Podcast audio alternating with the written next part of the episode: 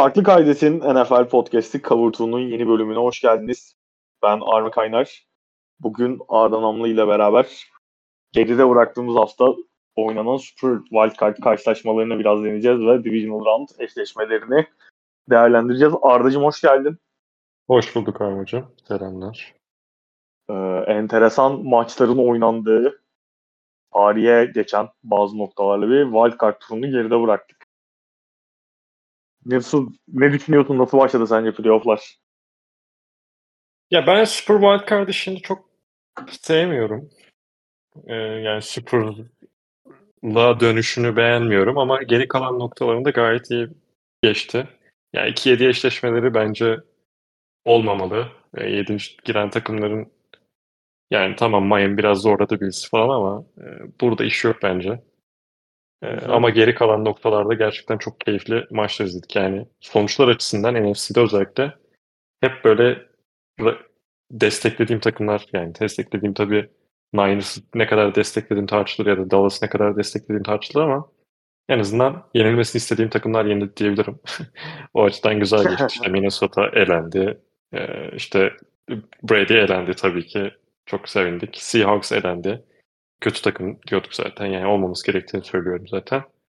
Ee, bu açılardan iyi takımların çıkması beni sevindiren noktalar. Ee, Divisional Round daha da heyecanlandırıyor yani beni o açıdan. Yani zaten maçları konuşurken işte e, Jaguars'ın geri dönüşüne falan da değiniriz mutlaka ama yani geçen sene özellikle bu wildcard turunda çok daha fazla blowout görüyorduk.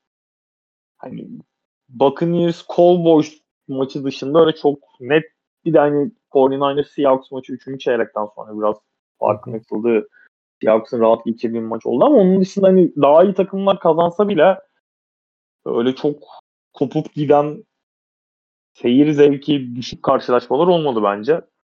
Aynen. O açıdan bak yani geçen seneye kıyasla bence bir tık daha iyiydi Wildcard turu. Bakın tabii geçen sene belki de tarihin en iyi Divisional Round'unu izlemiştik. Hı-hı. Bakalım bu sene gene çok güzel eşleşmeler var. Benzer bir Divisional Round izleyecek miyiz? Göreceğiz. O zaman yani çok Wildcard maçlarını çok uzun uzadıya konuşmayacağız aslında. Çünkü hem 6 maç var. 4 tane de değerlendireceğimiz maç var ama ufak ufak da tabii değinmek lazım. Ee, haftanın ilk maçı Seattle Seahawks San Francisco 49ers'tı. Yani beklentiden çok daha yakın geçen bir ilk yarı. Hatta yanlış hatırlamıyorsam önde kapattı neredeyse Seahawks ama evet. e, ikinci yarıda çok değişen yani daha aslında beklentimize yaklaşan bir San Francisco 49ers gördük. İlk yarıda çok daha Purdy'nin Brock Purdy üzerinden bir oyun anlayışı vardı San Francisco 49ers'ın. Kayşenen'in hatta tercihleri de devre arasında falan sosyal medyada da bayağı e, eleştiri aldı. Niye bu 49ers takımı bir devrede 20 pas atıyor? Ama ikinci yarıda biraz daha kendi kimliklerine dönüp kendi oyunlarını oynayıp 41-23 gibi net bir skorla kazanmayı başardılar. Ki zaten hatta yani 41-14 mü 17 mi neydi? Aynen 41-17 idi. Son yani garbage time'da artık DK Metcalf'ın bir touchdown daha geldi. Fark böyle oldu. Yoksa bayağı neredeyse 30 sayıya yaklaşan bir fark vardı. Ee, nasıl değerlendiriyorsun Seahawks'ı, Seahawks 49ers karşılaşmasını? Senin de yorumlarını alalım. İlk yarıda evet çok yakın. Benim hiç beklemediğim bir başlangıç Seahawks'tan. Hatta yani e, işte şeye kadar gelemeyeceklerini falan düşünüyordum. Yani iki, iki touchdown falan. Zaten bir touchdown anca yaparlar belki. Tabii iki tane de field goal bulurlar şeklinde bir düşüncem vardı ama iki tane taştan da girdiler ilk yarıya. Ee, burada tabii şey, Gino'nun saçma sapan çok iyi pasları var. E, attığı şeyleri yani sayıların dışında number yani outside of the numbers e, paslarını çok iyi yapıyor ve yani bu sene zaten en yüksek pas şey e, isabet oranına sahip oyuncusuydu. Ve bunu sadece kolay paslarla da yapmadı. Zor pasları da işin içine soktu. İşte Lockett'ı, Metcalf'ı zaten dışarıda kullandıkları için ve onları da gerçekten işte sideline tarafında kullanmayı tercih ettikleri için, sideline paslarıyla tercih ettikleri için daha çok e, onları yapabildiğini görüyorduk zaten sezon içinde. Özellikle sezonun ilk yarısında. O sezonun ilk yarısındaki performansını izleyebildik Gino'nun. Ama sonrasında işte e, savunmanın bir tık yukarı atması kendisini. Hücum tarafında Brock Purdy evet ilk yarı çok böyle kafası karışık şekilde oynadı. Ee, normal sezonda oynadığı o maçların maçlardaki rahatlığı aslında çok göremiyorduk kendisinden. E, hatta şeyi de bekliyordum aslında Seahawks'tan. Hem ilk yarıdaki o kafası karışık halinden biraz yararlanması için e, hem de onun direkt kendi tecrübesizliğinden yararlanması için daha farklı pass rush setlerini kullanabilmesini, yani kullanması gerektiğini düşünüyordum ama hiç öyle bir e, görüntü yoktu. Çok soft bir savunma performansı gördük. E, tackle yapmak konusunda çok zorlandı Seahawks ve 49ers gibi yards after catch üzerine kurulu bir hücum planı olan takıma karşı en istemeyeceğin şeydir. Yani komple kaybettiler o şeylerini, yeteneklerini resmen maç içerisinde. Ee, bir işte Christian McCaffrey'in ilk yarıdaki... Bu arada ben hani pas evet çok fazla gittiler. Ben de daha az bekliyordum ama bir koşudan çok fazla o şeyler etkilendi. McCaffrey'nin 60 yardlık falan koşusu vardı ilk yarıda Aynen. yaklaşık. Aynen. Oradan bayağı etkileniyor yani ortalamalar ama evet ben de daha fazla koşmalarını beklerdim ki ikinci yarıda zaten e, bir noktada ona döndüler. Ama Purdy'nin yani bir sonraki maçta biraz daha fazla konuşuruz ama e, bu cebin dışına çıkma e, eğilimi biraz endişe vericiydi açıkçası maç. Ya ben de hani ilk yarı ikinci yarıdaki şeyle alakalı baktığımız zaman şimdi ikinci yarıda 11 pas denemesi var Purdy'nin ama hani ikinci yarıdaki Purdy'nin pas attığı pozisyonlar da çok daha 49ers'ın sisteminin içerisinde yards after catch'e dayalı daha hani 49ers'ın oyun şemasında gördüğümüz setlerin devamında gelen paslar. En basından Divo'nun işte 75 yardlık bir touchdown var. Bu arada hani Purdy'nin istatistikleri baktığımız zaman direkt hani box score üzerinden baktığımızda çok, çok etkileyici duruyor. 30'da 18 pas isabeti, 332 yarda, 3 touchdown. Nereye yani işte NFL draftının son sırasından seçilmiş çaylak sezonunda playoff maçına çıkan bir oyuncudan çok kolay kolay görülebilecek istatistikler değil bunlar. Ama Hı. hani bunun o 49ers'ın kendi yarattığı işte Debo'yla McCaffrey ile diğer wide receiver silahlarıyla yarattığı oyun sistemi içerisinde o yards after catch'le kendi bildikleri, istedikleri e, oyun planını sahaya yansıtmaya başladıktan sonra zaten farkın çok daha açıldığını gördük. Biraz zaten 49ers'ın bu yards after catch'e dayalı koşu oyununa dayalı oyunu evet çok patlayıcı oyunculara sahipler. Yani işte Debo ile McCaffrey zaten ligin en iyi 10 hücum silahını yaz desen ikisini de sokabilirsin ilk ona. Ama hani genel tabloda baktığımız zaman oyun sistemlerinde işte koşu oyunu daha ağırlıklı sürekli saatini işlediği kısa paslarla baktığın zaman bu zaten ister istemez senin oyunu maç saatini işte pozisyonları tamamen kontrol etmeni de sağlayan bir şey aslında. Hani Seahawks'ın ilk yarıda o kadar hani beklentinin üstünde bir skor performansı göstermesine bence onun da etkisi var ilk parça ama ikinci yarı hani zaten söylediğimiz gibi çok net bir şekilde kendi özüne dönen bir 49ers izledik. Ha ben zaten Seahawks'a çok şans vermiyordum bu karşılaşmadan önce de. 49ers kağıt üstünde de hani sezonda gösterdikleri performansa baktığımızda da net bir şekilde ağır basıyordu. Ama en azından Seahawks'ın hani o ilk yarıdaki performansı hani taraftarları vesaire de hani daha sezon hikayelerinde bir tık daha çünkü hani kısıtlı bir takıma sahiplerdi baktığın zaman yetenek toplam anlamında ama en azından o mücadeleyi sahaya yansıtmayı belirli bir dönemde de olsa başardılar. Zaten hani biraz division rakibi olmalarının da orada bence etkisi var çünkü birbirlerini çok iyi tanıyan takımlar baktığın zaman ne yapmak istediklerini, ne yapmaya çalıştıklarını çok iyi bilen takımlar. Ama en 49ers açısından baktığımızda ilk yarı hani bazı senin de söylediğin gibi işte Purdy'nin cephisine çıktığı anlara ya da işte o oyun tercihlerine bir siyah düşmek lazım belki ama genel olarak 49ers hani böyle favoriler arasında belki de hani Cowboys'la birlikte en net sınavı veren takımda diyebiliriz bence. Wildcard turuna baktığımızda var mı senin eklemek istediğin bir şey? Abi geçebiliriz zaten 49ers'a dair konuşuruz. Aynen öyle. Ee, ikinci karşılaşma gene 49ers Seahawks maçından sonra Los Angeles Chargers, Jacksonville Jaguars NFL tarihinin playofflardaki en büyük üçüncü geri dönüşüne sahne oldu. İlk yarının ve NFL playoffları Türkiye spikerlik tarihinin ne de geçen bir spikerlik yaşandı Aa, maçta. Çok teşekkürler. Çok teşekkürler. Ondan da bir bahsetmek lazım yani öncelikle. Ee, özellikle bir e, şeye baktım. Ee, ilk maçı şeyden izledim. Yani 40 dakikalık şeyden izledim önce. Kondenste izledim. Sonra senin abi rezaletti bu arada oradaki e, Abi ya ben, bana hani sağ olsunlar maçtan sonra Hani mesela atanlar, Mason atanlar abi çok iyi anlattım mesela diyenler oldu. Ama oradaki hani çıkış noktası şeydi. Al Michaels'tan daha iyi anlatmıştım neredeyse. Ama ben sonra şeye baktım. Hani son drive'ına baktım sadece. Yani evet. meslektaş boklamak gibi de olmasın da bir tık, bir tık ruhsuz anlatmış diyebilirim evet. Ya evet ben Ama de bu arada senin son çeyreğine baktım. Son çeyrek anlatımına baktım. Yani o şey verişin, heyecanı verişin, maçın içine biraz daha sokuşun. Hani karşınasın diye söylemiyorum zaten beğeniyorum senin spikerliğini de. Ee, ondan sonra izlemek ekstra da belki bir hype'lamış olabilir bize. Ama ben gerçekten şey yani tebrik ederim seni gayet.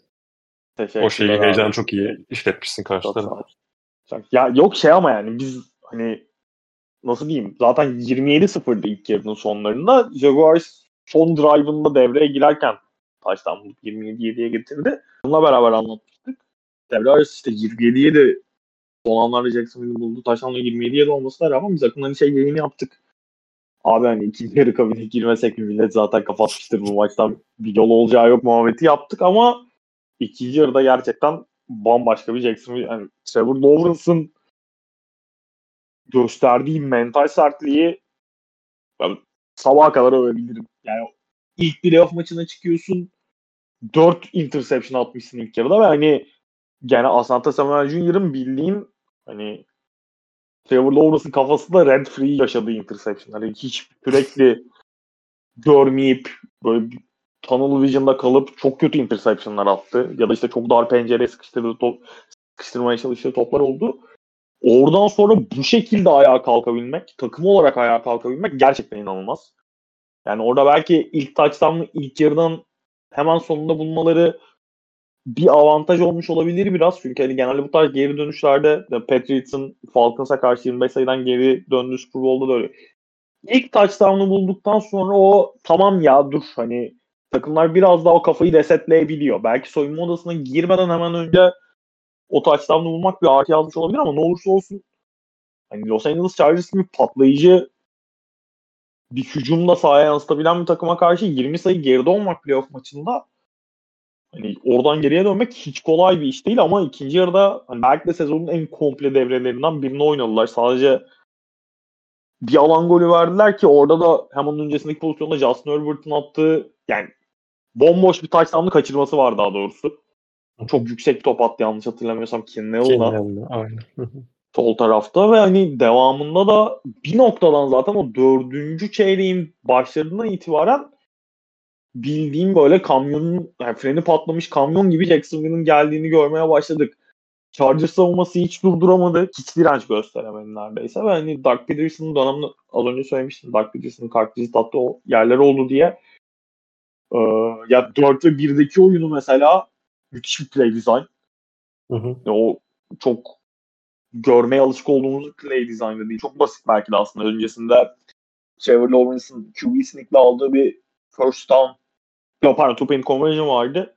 Hani oradan sonra tam biz line'ın ortasını kapatalım dediğin zaman yani zaten savunmanın hem QB sneak'i hem dışa koşuyu aynı anda kapatması çok mümkün bir şey değil.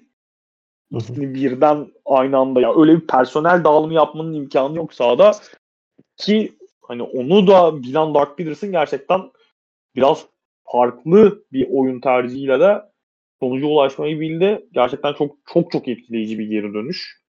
Yani bir daha örneği bir de hani iki oyuncunun hikayesine mesela ikisinde işte ilk maçı ikisi de ligin geleceğinde çok önemli e, iki quarterback'tan bahsediyorum. Herbert'la Lawrence'dan. İkisi de ligin Hı-hı. geleceğinde yer tutmasının beklediğimiz isimler ve ilk maçlarının bu kadar hani efsaneleşebilecek bir mücadele olması da çok farklı bir e, not oldu. Ben gerçek ama hani Jacksonville Jaguars'ın özellikle sezon başlangıcından sonraki hikayesi çok güzel bir yere de gidiyor.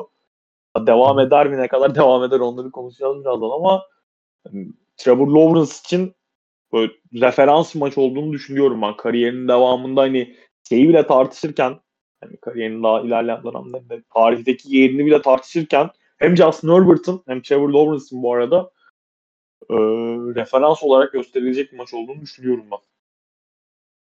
Evet katılıyorum. Yani çok ikisi için de çok pozitif anları olan ve çok da keyifli iki tarafta Herbert'ın ilk yarısı da çok keyifliydi. O tabii ki field position'lardan falan çok yararlandı. İşte Trevor Lawrence'ın interception'larından. Lawrence'ın ikinci yarıdaki geri dönüşü bambaşka bir yani herifin hiçbir şey yok. Hiçbir noktada e, geçen sezon çaylak sezonuydu. Urban Meyer'de çok kötü bir sezon geçirdiler. O noktalarda bazen hani şeyini gördük. Hani yüzünün düştüğünü falan gördük ama bu sezon de kötü başladılar. Hatta Titans'ın 3.5-4 maç hatta gerisindelerdi tam hatırlamıyorum galiba. E, oradan geri dönüşlerini yaparken Lawrence'ın hiç şey yapmaması, yani yüzünün düşmemesi hiçbir maçta. Bu maçta 4 interception atıyorsun ilk yarıdan. E, hala hiçbir duygu göstergesi yok. E, kazanana kadar. E, inanılmaz bir yani gösteriydi bu açıkçası.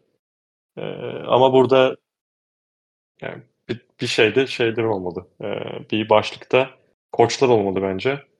Aynen Doug Peterson, Doug Peterson benim çok beğendiğim bir koçtur bu arada. Philadelphia zamanlarında o Patriots'ın yendikleri dönemde underdog mentalitesini çok iyi bir şekilde sahaya yansıttığını görüyorduk. Eagles e, takımının o, o dönem. De Fall oynuyor quarterback'te. Savunmada çok fazla defoları var ama o defoları bir şekilde e, örtmeye çalışıyorlar. Hücumda e, savunmanın yaptığı hataları bir şekilde telafi edebiliyorlar. E, bambaşka bir takım yaratmıştı orada. Jacksonville tarafında da bunu yapmış gibi gözüküyor.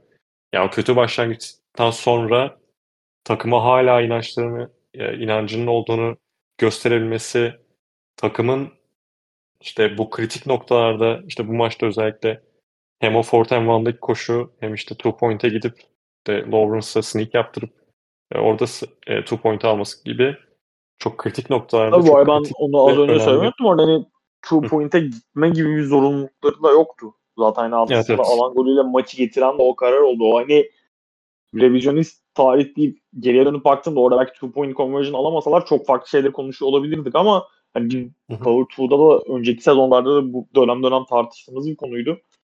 Ben normalde mümkün olduğu kadar daha bu tarz durumlarda temkinli tutumda hani çok söyledim hatta daha önceki podcastlerde. Ben hani mecbur kalmadıkça two point'e gitmenin çok doğru olduğunu düşünmüyorum şeklinde. Hani geri dönüşte de mümkün olduğu kadar onu geciktirmek gerektiğini düşünüyorum tarafında oldum hep ama hani az önce şeyde söyledim o artık freni patlamış kamyon gibi geliyordu Jacksonville ve hani öyle bir noktada bu risk ya bu risk alınacaksa en alınabilecek noktada alacak biliyorsun o riski ve Hı.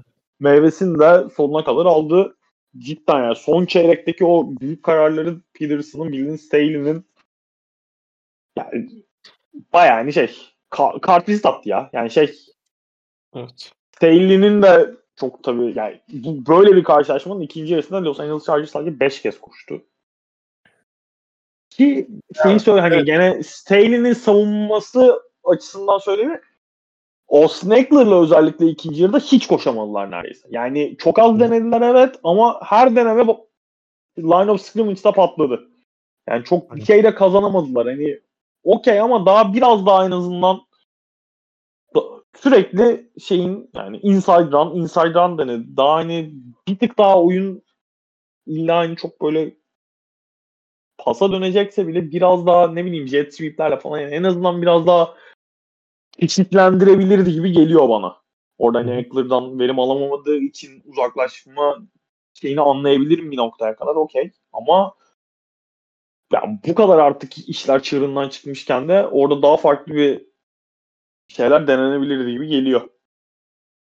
Evet şey hem bu kadar az koşmaları bir dert hem de Herbert gibi bir quarterback'in varken zaten kovuldu Joe Lombardi işte hücum koordinatörü şeyin e, Chargers'ın hiç Herbert'a uygun olmayan bunu iki senedir konuşuyoruz aslında zaten ama bir hücum planı ortaya koyması e, rezillik aslında. Yani air yard olarak baktığında çok kısa paslara gidiyor ve Herbert gibi bir kolu olan hatta accuracy'si de uzun paslarda böyle kötü olmayan bir oyuncu için çok kötü bir hücum planı var. Ee, koşu oyunu hiçbir yardımcı olamadı zaten ve öyle Jaguars'ın da işte e, şeyi bir yerden sonra özellikle Roy Robertson Harrison çok bence epik bir maç oynadı o da. Çok fazla konuşulmuyor ama e, defensive line'da resmen yok etti. Hem koşu oyununu yok eden oyunculardan bir tanesi hem şeyde yapabilen, e, pass rush'ı çok iyi yapabilen oyunculardan birisiydi. E, maçta her yerindeydi sahanın. O gibi zaten birkaç tane oyuncusu var Jaguars'ın ön, ön tarafta işte birinci sıra seçim Trevor Walker, Josh Allen var e, Edge'de. Hani tamam line konusunda biraz daha sıkıntı yaşayacağını düşünüp koşmayabilirsin ama daha iyisini yapman gerekiyordu. Ki ilk yarıda da aslında bu kadar e, kısa field pozisyonlar bulmasalar belki çok daha fazla zorlanacaklardı. Hani o kadar sayı buldular ilk yarı ama e, hiç cevapları yoktu. E, gelen savunmaya hatta gelen hücumlara da yine hiçbir cevapları yoktu. Bir yerden sonra zaten pass da hali kalmadı. Jaguars gelmeye devam ediyor. Chargers ya erken çok çıkıyor çok sağdan. bu arada. Evet evet. Yani. O yani da var yani. Bozan'ın salaklığı da var yani. İlk, ilk, ilk play'i hani çok alakasız pozisyonda oldu. Orada Lucas da hakeme ters bir şey söyledi o flag atıldı. ilk aldığı flag ama hani ben hadi orada hakem yani şimdi neden ne konuşulduğunu hakemin tam olarak neden attığını bilmiyoruz. Ona çok yorum yapamayacağım o yüzden ama ikinci Flay'in açıklaması yok. Yani tamam sayı vermiş olabilir ki orada çok net bir e, holding de vardı Boza'ya bence. O evet, kadar delinmesine sebep olan pozisyonda. Ama yani hele ki daha önceden bir ceza, hani bir flag daha aldığında unsportsmanlike conduct'a oyuncu, oyundan atılacakken öyle kaskını çıkarıp saha içerisinde sağa sola fırlatmanın gerçekten şey yok. Hı hı. Herhangi bir affı anlaşılabilir yanı yok. Yani Chargers'ın takım liderlerinden biri olmasını beklediğim bir oyuncu o kadar kritik bir noktada bu bunları ya zaten o takım olarak o çözülmenin dağılmanın belki de göstergelerinden biriydi Chargers'ın. Var mı eklemek istediğim bir şey bu maça dair? Geçebiliriz. O zaman bir sonraki maçımız Miami Dolphins, Buffalo Bills.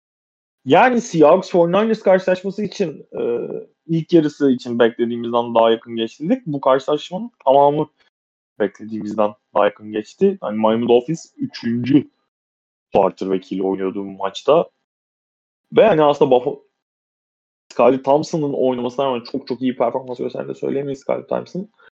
Skyler Thompson'ın oynamasına rağmen yani Buffalo ilk çeyrekte iki pozisyon farkı da yakaladıktan sonra bir anda Miami'nin tekrar maçın içine döndüğü ve maçın sonuna kadar da cid, yani farkın gene çift pozisyona çıktığı dönemler oldu ama hani bir acaba ne oluyor?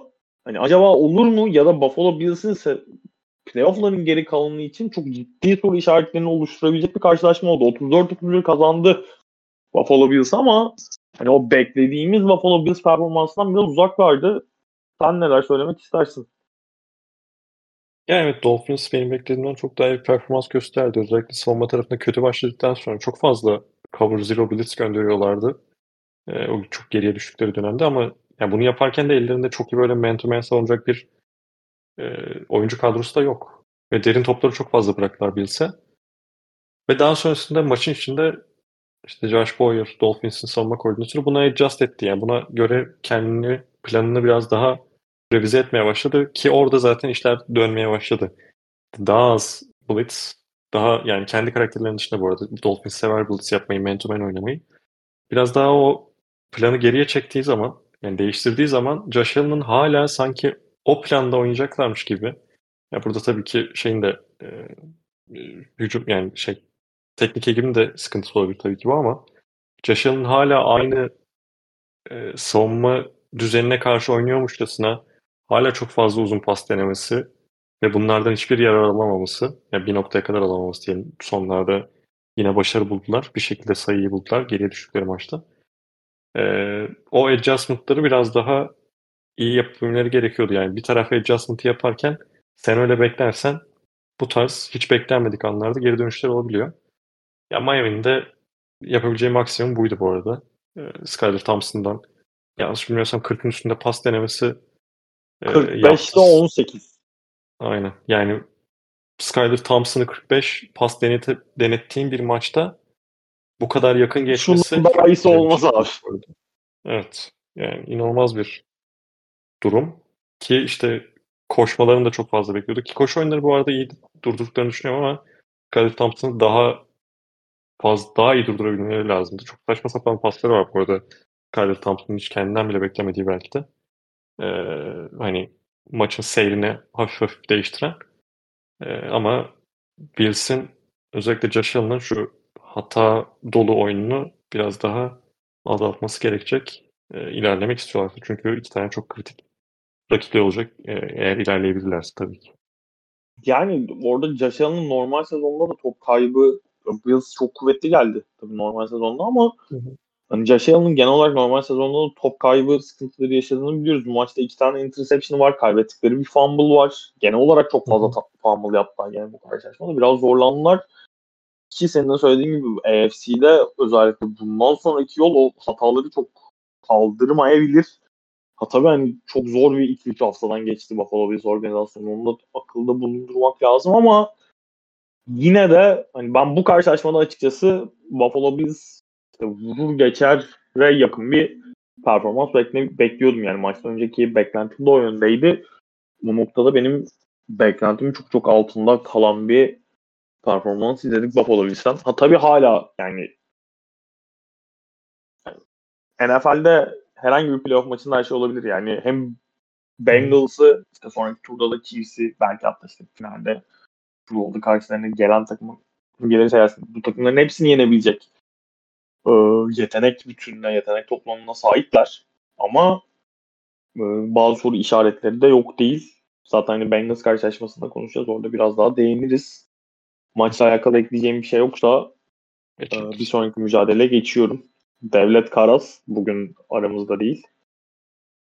Ona da selam olsun. New York Giants Minnesota Vikings'i 31-24 yenerek Divisional Round'a kalmayı başardı.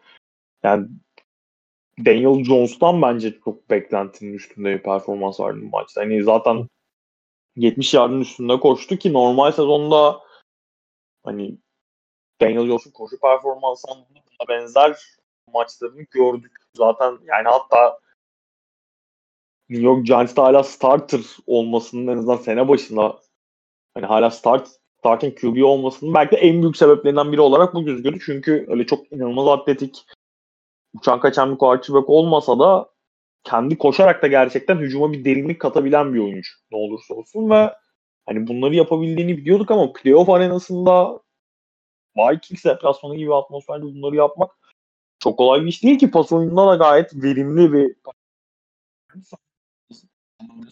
sene boyunca e, NFL severlerin belki de en anlam veremediği takımlardan biriydi. Yani çok inişli performanslar yakın geçen maçları sürekli kazanmak ki hatta biz geçen hafta hem Giants hem Vikings için konuşmuştuk. Hani önümüzdeki sezon bu olasılıkla bu kadar yakın maç kazanan takımların ertesi yıllarda ilerleyen dönemlerde galibiyet oranlarının düşme olduğunu görürüz diye biraz hani Vikings'in burada normal sezonda maç kaybetmemişlerdi neredeyse. En kritik yerde tek farklı bir maç kaybettiler. Tek pozisyondu. Ee, sen neler söylemek istersin Yok Giants Minnesota Vikings karşılaşmasıyla ilgili? Evet Daniel Jones en beklenmedik performanslardan birini sergiledi bu hafta özelinde. Yani Vikings savunmasına karşıydı bu arada. Bu tarz yani en azından bu seviyede olmasa da iyi bir performans bekliyorduk ama e, hatasız neredeyse.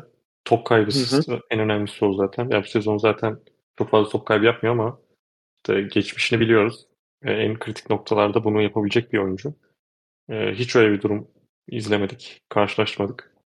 E, pas oyununda belki çok fazla aşırı risk aldığını görmedik. Sezon içinde de bu maçta da e, çok fazla riskli pas denediğini falan görmedik ama zaten bu sezonki onların bu nedir, performansında, yükselişinde bunun da büyük etkisi vardı. Yani Daniel Jones gibi bir oyuncuyu çok fazla risk aldığı zamanları da görüyorduk. Sıkıntı yaşıyordu ama bunu Brian Dable çok iyi ayarlayıp e, Daniel Jones'u iyi kullanmayı başardı. E, zaten Vikings gibi işte sezonun en kötü pas savunmalarından birisine sahip ve normal şartlar işte Ed Donatel işte Vikings'in savunma koordinatörü Fangio şeyinden gelir, ağacından gelen bir koordinatör aslında ama yani normalde işte Fangio'nun e, yaptığı şey yani çok basit bir yap, yapmak istediği bir nokta vardır. Explosive play'leri sınırlamaya çalışır. Burada yani bu sezon boyunca hatta Donatel'den hiç öyle bir şey göremedik. E, hatta en fazla izin veren takımlardan birisiydi Vikings. Yine Giants'a karşı da yine aynı şeyi gördük aslında. Hem koşu oyununda çok fazla koşmadılar ama Daniel Jones scramble'larda koşarak bunu yakaladı. E, Sekoa'nın az koşusundan çoğu big play'di. Pas oyununda işte e, Hodgins'la özellikle çok iyi e, şey yakaladılar. E, bir kimya yakaladılar zaten sezon içinde yakalamışlardı. Bu maça da yansıdı. E, inanılmaz bir performans gösterdiler. Savunma tarafında en dikkat çekici nokta bu aslında burası. Hep Martin Dale'ın işte blitz yap, yapma, yapmasıyla ünlü olduğunu konuşuyorduk. Ve bu maçta tamamen karakterinin dışına çıktılar. Ee, hem işte men oynayıp hem işte blitz zaten bir fazla oyuncuyu pass rush'a koyduğun zaman daha çok men oynamak zorundasınız. Zone yapmak tabii ki bir seçenektir ama bu maçta e, normal sezon ortalamanın çok az aşağısında hem oynadılar hem blitz yaptılar. E, ve orada Vikings'in kafasını karıştığı yani Kirk Cousins'ın kafasını karıştırmaya çalıştıkları ve bunu da başardıkları özellikle 4 oyuncuyla birlikte baskı yakalayabildikleri ki en kritik nokta zaten burası. Yani blitz yapmadan o baskıyı da yakalayabiliyorsa zaten Giants e, kaçınılmaz oluyordu bu son.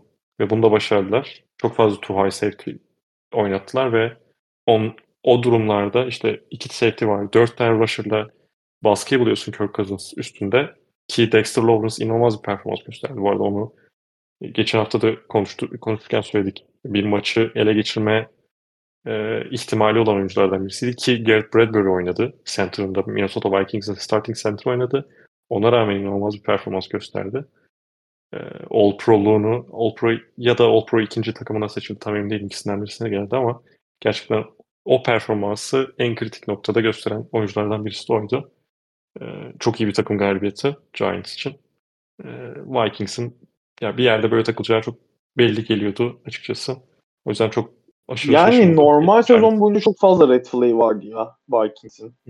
Yani hani mesela tarihin en büyük geri dönüşü diyoruz Indianapolis Colts maçı ama yani benim bir takım hakkında görüp görebileceğim en büyük red flaglardan biriydi o maç yani açık konuşmak gerekirse. Evet, ben yani. zaten Colts'a 30 sayı yemek zaten inanılmaz bir Aynen abi. Yani. Yani ve hani geçen hafta da et mi balık mı ben benim en çözemediğim takım bu. Biraz hani Justin Jefferson'ın yüzü suyu hürmetine buraya kadar gibi. Ama hani hem Giants hem koç ekibiyle hem oyuncularıyla cidden çok yani bu takım olmanın çok net bir örneğini sergilediler bu sene ve yani ben beklemiyordum açıkçası. Ne playoff bekliyordum. Hani bu Hı. maçtan biraz daha tabii Vikings'e karşı bir upset ihtimali var diye geçen hafta da konuşmuştuk ama ben sezona girerken Giants'in şu noktada olmasını hiç beklemiyordum. Hani Daniel Jones'un böyle bir oyuncuya dönüşmesini ya da bu verimlilikte oynayabilmesini bu kadar uzun süre beklemiyordum. Dan Brian Daboll'un hakkını sonuna kadar vermek lazım. Çok çok etkileyici bir koç işi. Giants en azından hani Q, belki Daniel Jones'a daha ileride farklı kararlar verirler ama en azından koç işini sonunda çözmüş gibi gözüküyorlar. Onlar için de yani şu noktada en azından öyle söyleyeyim. Giants'ın sezonu önümüzdeki hafta bitse ben herhangi bir New York Giants taraftarının e, tabii ki üzüntü olur. Takım hı hı. takımı elinden herkes yaşar ama hepsinin takımdan razı olacağını düşünüyorum en azından öyle ifade edeyim. Evet katılıyorum. Yani çok iyi bir sezon onlar adına. Aynen öyle ve bir sonraki maçımız Baltimore Ravens, Cincinnati Bengals, e, Lamar Jackson'ın oynamadığı bir karşılaşma. Her ne kadar hani hafta içerisinde oynayabilir oyn oynayabilir mi tarzı haberler çıksa da maçtan birkaç gün önce Lamar Jackson e, oynayamayacağını kendi Twitter hesabı üzerinden açıklamıştı ve Tyler Huntley'nin de sakatlığına rağmen yani sakatlığı ve oynayıp oynamama durumu şüphede olmasına rağmen Tyler Huntley'nin oynadığını gördük. Hı hı.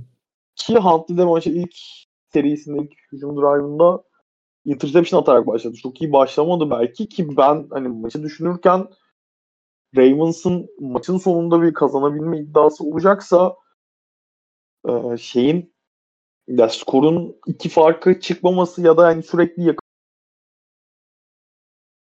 ile beraber oyunda sıkıntılı bir düveye sahiplerken geriye düştükleri bir karşılaşmada iki pozisyon kadar işin içine tekrar girmelerinin özellikle Cincinnati Bengals gibi de hem patlayıcı hem de savunmada da iyi isimlere sahip olan bir takım karşısında, iyi rusher'lara sahip olan bir takım karşısında çok kolay olacağını düşünmüyordum. Oradan ya Huntley de e, Ravens da beni açıkçası şaşırtmayı başardılar. Hani öne de geçtiler hatta maçı kazanacak noktaya kadar geldiler ama sonra belki bu maçta da NFL tarihinin en uzun fumble return touchdown'ını izledik playoff'lardaki. Sam Howard'ın son çektiği 98 yardlık return'üyle Cincinnati Bengals hem maçı kırmayı hem de turu atlamayı başardı.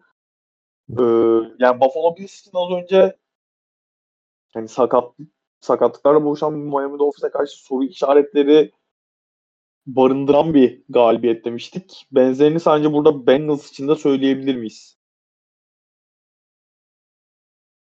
Ya Bengals için şu yakaladıkları işte playoff öncesinden gelen bir winning streakleri var ve inanılmaz bir çok kritik anlarda öne çıkma, yani savunmanın öne çıktığı, hücumun doğru anda doğru play yapabildiği noktalar olduğunu gördük. Çok ya, komple bir takımlar yine geçtiğimiz sezon Super Bowl'a gelirken e, ya, savunmanın... Offensive sağ tarafı dışında çok sıkıntısı olan evet. bir takım değil.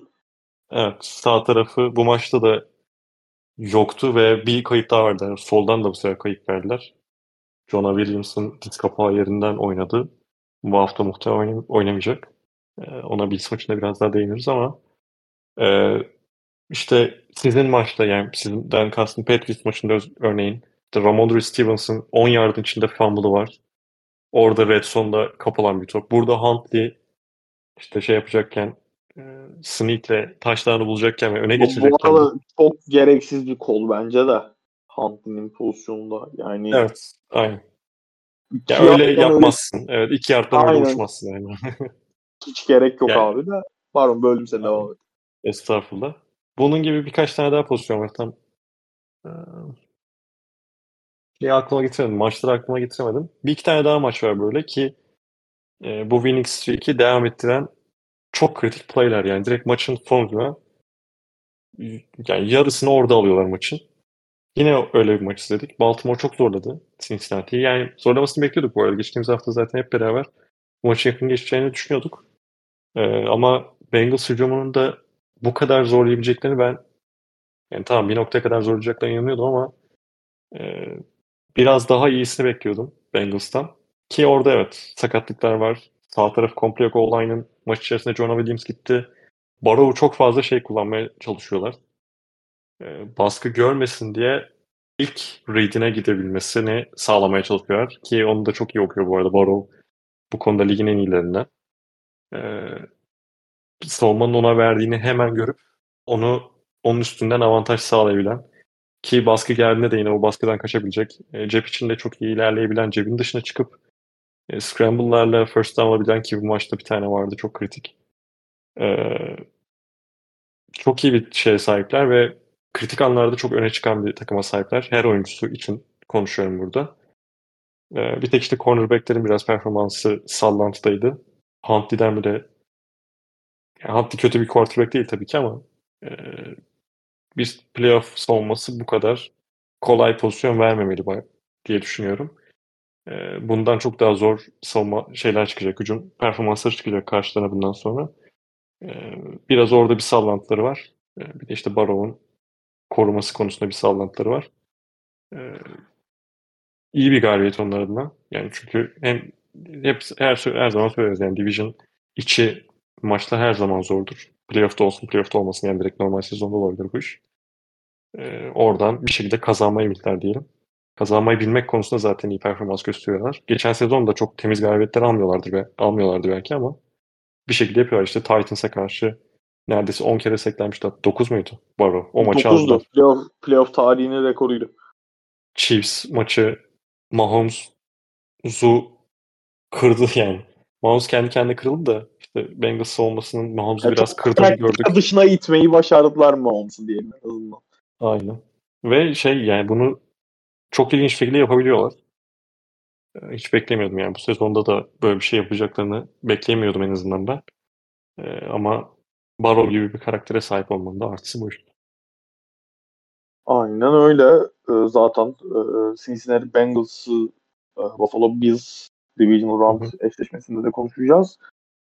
Ee, hani Baltimore Ravens için de bence baktığımız zaman hem koç hem koç Harbo'ya hem de hani özellikle takımda sahada olanların ki orada hani işte Lamar Jackson sakat değil ama kontrat yüzünden oynamıyor falan tarzı böyle hani takımın konsantrasyonunu bozabilecek çok fazla sağ dışı etmenle boşlukları bir dönemden sonra zaten Ravens'ın 2010'lu yıllarda AFC playoff'larındaki hani ana aktör değil belki ama en iyi yardımcı oyunculardan biri olduğunu söylemek lazım. Hani bir tane şampiyonlukları var bu dönemde ama işte bu maç öncesi hazırlık maça hazırlanırken bakmıştım ben sürekli işte hani harbi en basitinden deplasmanda en fazla playoff galibiyeti alan koç NFL tarihinde. Ve hani bu 2010'lu yıllar boyunca Patriots'a, diğer takımlara sürekli gidip daha böyle hani underdog olarak gidip can sıktıklarını çok gördük. Burada da gene aslında yani iki yarda kadar yaklaşmışlar belki de ki upset'e ama çok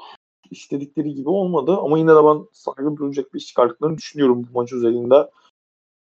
Sezonda da gene aynı şekilde ve haftanın son karşılaşmasına geçiyorum.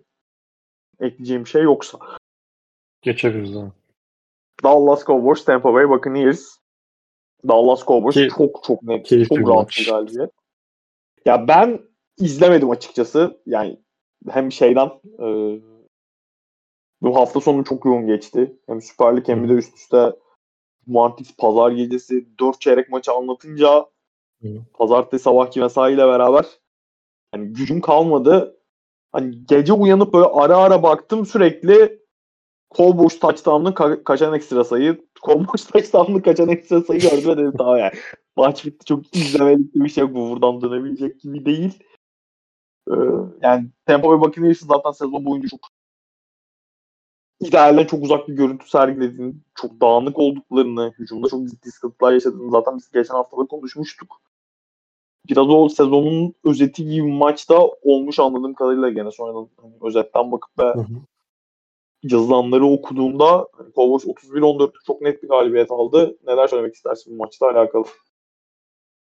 Evet yani Buccaneers için gerçekten özet. Yani hücum tarafında özellikle koşu oyununu hiç işlemediği, işin hep Brady'nin paslarına gel kaldığı, Brady'nin de yani sezon içinde yaptı bunu tabii var çoğu maçta diyelim ama yapamadığı dönemler de var ki yani 9 tane maç kaybetti bu takım. Ee, onu da söyleyeyim 8-9 bitirdiler yani ve e, hiç Tom Brady'den Brady beklemeyeceğin 66 pas denemiş abi. aynen. Yani kariyer rekoru olabilir bu ya.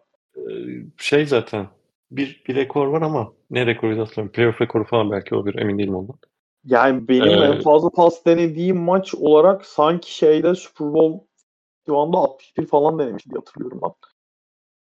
Ee, sen devam et ben bakarım. Ama 66 pas şeyi abuk subuk bir sayı. Evet, Onu, aynen. onu söyleyeyim sadece. Ya ki bunu yaparken de karşında Dallas Cowboys savunması var. Koşuya karşı aslında biraz şey e, kırılgan yani onları biraz daha kullanabileceğin bir savunma varken karşında hiç oraya gitmediler. Gittiklerinde hiçbir başarı sağlayamadılar. Brady'nin eline kaldı her şey. Brady de hiçbir şey yapamadı. Yani Brady'nin karakterinden hiç beklemeyeceğin pas hataları e, accuracy olarak söylüyorum bunu tabii ki. Hem zaten direkt şeyde yansıyor. Box score'da da yansıyor bu ama maç içinde izlediğin zaman da çok daha net fark ediyorsun bunu. Ee, sağa, sola, ortaya hiçbir doğru düzgün şeyi bulamadı. Accuracy bulamadı. Ee, oyuncuların arkasına biraz attı. Oyuncuların tutması zor bir pozisyona soktu. Ee, sideline'e doğru flatları atarken çok dışa attı. Oyuncunun yetişmesine şans olmadığı pozisyonlara soktu vesaire.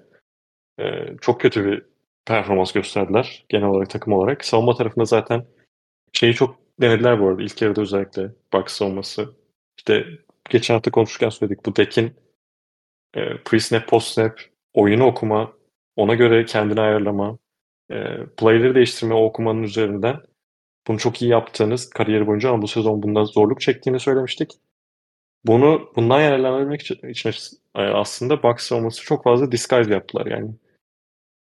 Ne oynayacaklarını göstermeye çalıştılar. E, post snap'te değiştirmeye çalıştılar. Yani snap sonrasında ne oynadıklarını değiştirmeye çalıştılar ama yani Dek yani ustaca bir oyun oynadı. Kariyerin belki en iyi maçı bu.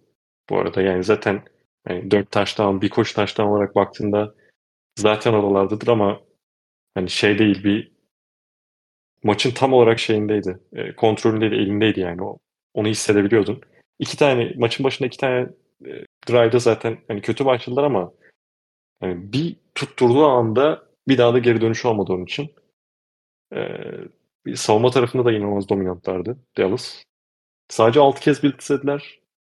Ki Tom Brady'ye karşı işte blitzlememenin çok kritik olduğunu, 4 oyuncuyla şey baskı sağlayabilmenin önemli olduğunu falan çok konuşuyoruz. Ve işte 20'ye yakın QB pressure buldular. Yani seks sayılarına belki aşırı yansımadı ama Tom Brady'nin e, daha fazla bu baskılardan kaçabildiğini biliyoruz. Onu da yapamadılar. E, Parsons özellikle Michael Parsons ya bu sezonun başında çok iyi girmiş zaten. Depoy olur mu gibisinden konuşmalarla başladık bu işlere. Bu maç hani o game changer oyuncu olduğunu gösterdiği e, sezon başında gösterdiği o performanslara geri döndüğünü gördük. Ya playoff atmosferinde, deplasmanda ya Bucks'ın özellikle şeyi çok iyiydi bu arada. Ee, başlangıçta özellikle tribünler inanılmazdı. Ya böyle bir atmosferde bu performansı yakalayabilmesi, sürekli Brady'nin suratının oralarda olması e, inanılmaz bir performans. Micah Parsons'ta ona bir ayrı bir parantez açmak lazım.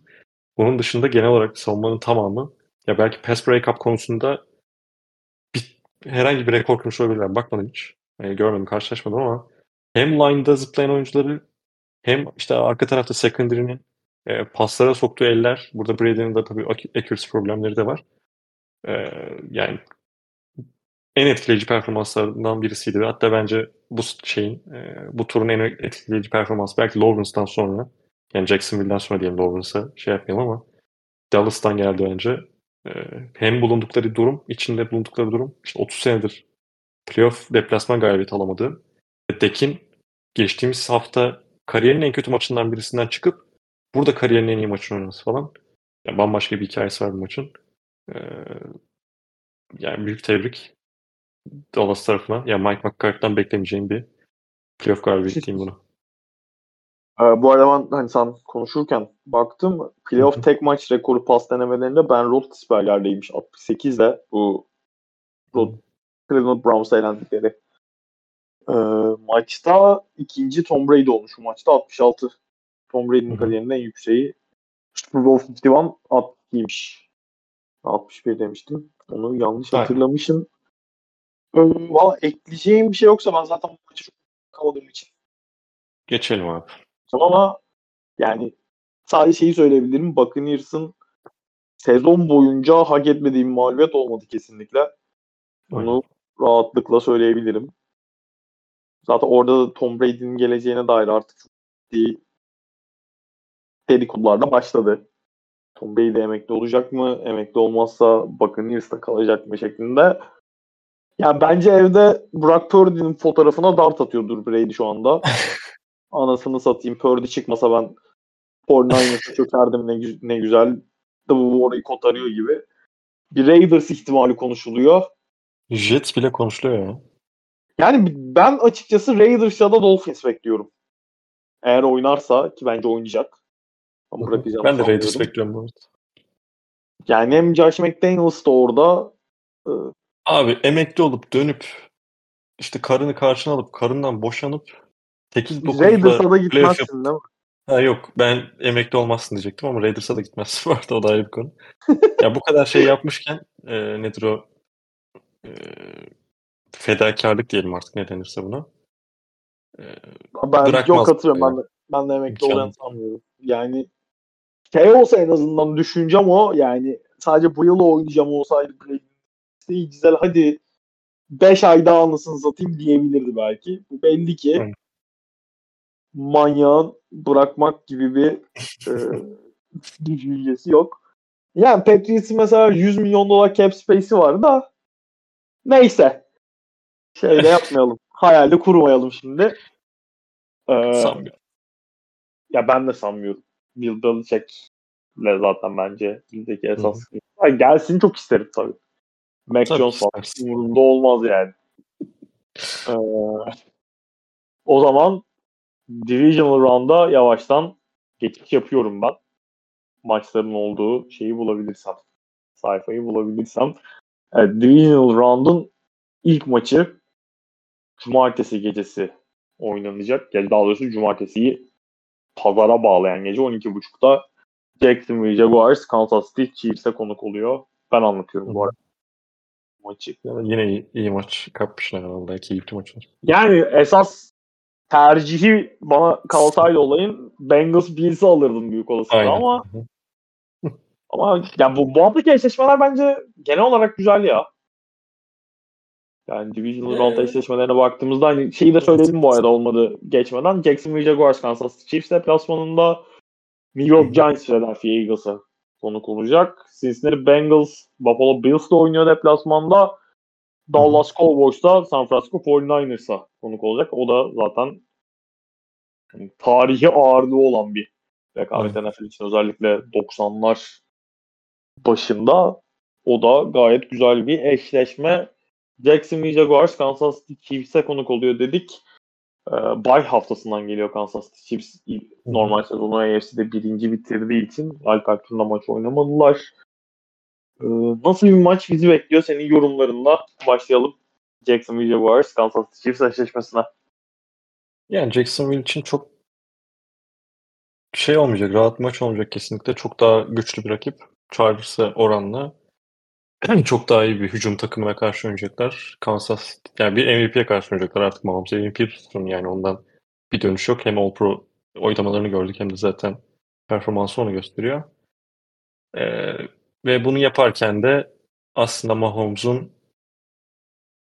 işte eksikleri olduğunu, wide receiver kadrosunda geriye gittiğini, işte geri gitti tabii ki, geriye gittiğini söyleyebiliriz ama e, geriye gitmesine rağmen hiçbir performansla düşük olmamasını falan konuşabiliriz. E, ama Jacksonville'in yani bu maçı kazanmak istiyorsa yapması gereken en kritik nokta bu podcast'te belki üçüncü kez aynı şeyi konuşuyoruz ama dört oyuncuyla Mahomes gibi bir oyuncuyu cebin içinde tutabilmek. Yani baskı yapabilmek demiyorum artık. Cebin içinde tutabilmeniz gerekiyor.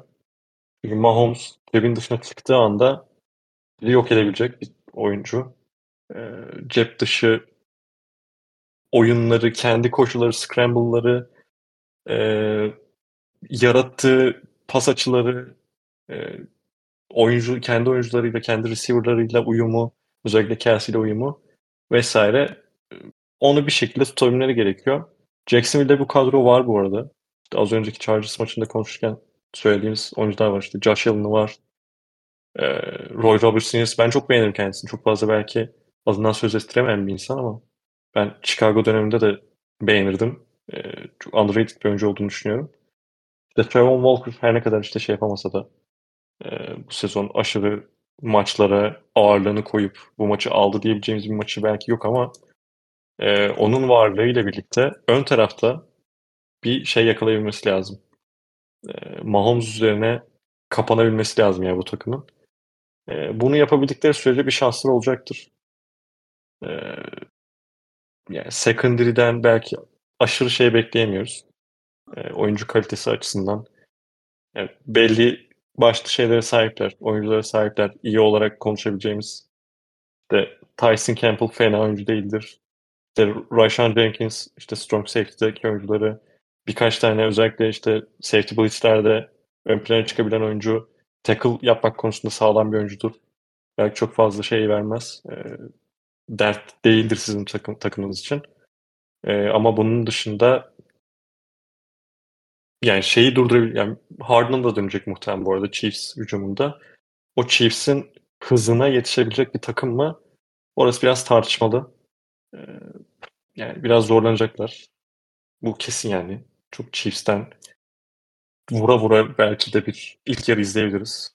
Ee, Chargers maçında olduğu gibi Chargers tabii ki dediğim gibi top kayıplarından çok yararlandı ama e, işte Chiefs 80 yardlık işte 75 yardlık drive'ları üst üste vurup e, direkt knockout'a oynayabilir. Ki bunu yap- yapabilecek kadroları var. Ki Ama normal Trevor'da... sezonda da yaptılar aslında. Yani evet. Ilk, iki takım karşılaştı. Normal sezonda oynadıkları maçta Chiefs 20-0 öne geçtikten sonra Jaguars geriye dönmeye çalışmıştı. Fark hatta 10 sayıya kadar indirdiler ama hı hı. nefesleri yetmedi tabii. Yani orada Chargers'a karşı inanılmaz bir comeback ve onun rüzgarıyla geliyorlar okey ama ben işlerin o kadar kolay olacağını düşünmüyorum. Yani o geriye düştüklerinde de muhakkak geçen hafta yaşananlardan sonra bir karakter koymak isteyebilir gene geriye düşerse Jacksonville ama sen az önce şeyi söyledin. Dört oyuncuyla baskı kurma noktasına değindin Patrick Mahomes üzerinde. Hı hı. Yani Kansas Chiefs'in offensive line bu sene bayağı iyiydi bence. Hı hı. Yani, koruma Patrick Mahomes koruma noktasında hatta yani Tyreek Hill'i kaybettikten sonra verimliliğinden neredeyse hiçbir şey kaybetmedi Kansas Chiefs ki benim mesela bir tık geriye gitmelerine bek, dair beklentim vardı. Ona rağmen e, hani mesela Harden'dan da sezon genelinde çok ciddi katkı aldıklarını yani benim en azından beklediğim seviyede çünkü wide receiver odasına baktığımız zaman Patrick Mahomes'u tanıyan bilen bir oyun alışkanlığı olan tek wide receiver'dı neredeyse Patrick Mahomes'la. Hani çok daha ön plana çıkmasını bekliyordum ben. Sezona fena da başlamamıştı belki de ilk aydan sonra hani Harden'ın falan çok gerilediği bir senaryoda ben bu kadar kendi Juju'nun da form tutması sezon ortasını falan buldu. Biraz aynı sisteme alışması sezon ortasında buldu. Ben bu kadar verimli bir hücuma sahip olmasını beklemiyordum Kansas City Chiefs'in. Hani orada sen az önce Patrick Mahomes'un ceptesine çıkıp scramble'larla vesaire bir şeyler yaratabilmesini, oyunları uzatabilmesini söyledin. O konuda bu sene bambaşka bir seviyeye çıktı. Yani hmm. sadece hani cebin dışına çıkayım da pas atayım falan da değil.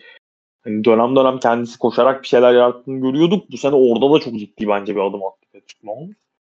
Ve hani evet savunma tarafında iyi nüveleri var Jacksonville Jaguars'ın. Hücumda belki direkt bir hani bayrak adamları yok var yani Trevor Lawrence dışında şey olarak birinci wide receiver yani gözünü kapalı hangi takıma koysan birinci wide receiver olur diyebileceğim bir oyuncuları da yok belki ama işte Christian Kirk, Evan Engram, Marvin Jones yani hepsi gene belirli bir ölçüde güvenebileceğin eller. Yani bunu da zaten geçen hafta çok iyi şekilde gösterdiler e, Chargers karşısında. Ama ben yine de nefesin yani Kansas City Chiefs'in özellikle bir hafta dinlenip geldikten sonra senin de söylediğin gibi erken bir yumrukla böyle hani güvenli bir fark açıp bir tampon bölge oluşturup işte 10 sayı civarı maç boyunca cruise kontrol şeklinde ilerleyebileceklerini düşünüyorum açıkçası. Yani ki coaching açısından da şey yani, iki, yani Staley'den sonra Andrew Reid olması e, o tarz bir geri dönüşte çok izin vermeyecek bir, bir şey koç. Ki yakın bir ara da beraberlerdi galiba Doug Peterson, Andrew Reid öyle hatırlıyorum. Ee, hmm, bakayım mı sen devam et. Ya şey çok ekstra bir şey söylemeyeceğim. Yani birbirlerini iyi ta- tanıyan da koçlar. Andrew Reid böyle bir hataya düşmeyecektir. Eğer ki öyle bir şey yakalayabilirse. Ee, skor tahminim de bu arada 33-24. Ya ben de o civarlarda bir fark bekliyorum. Hani 33-24 olabilir tabii de yani benim de az önce söylediğim bir 10 sayılık fark açıp tampon bölge oluşturup diye. Hı hı.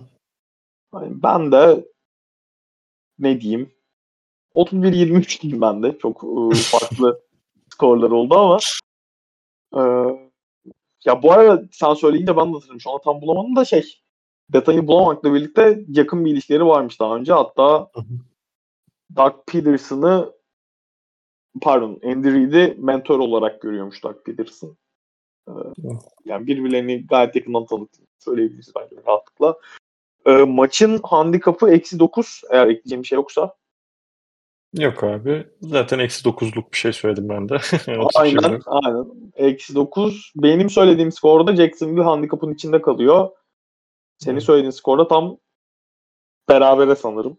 Evet ben ya bir şey alacak olursam Chiefs alırım burada muhtemelen de. Şey çok dokunmam gibi.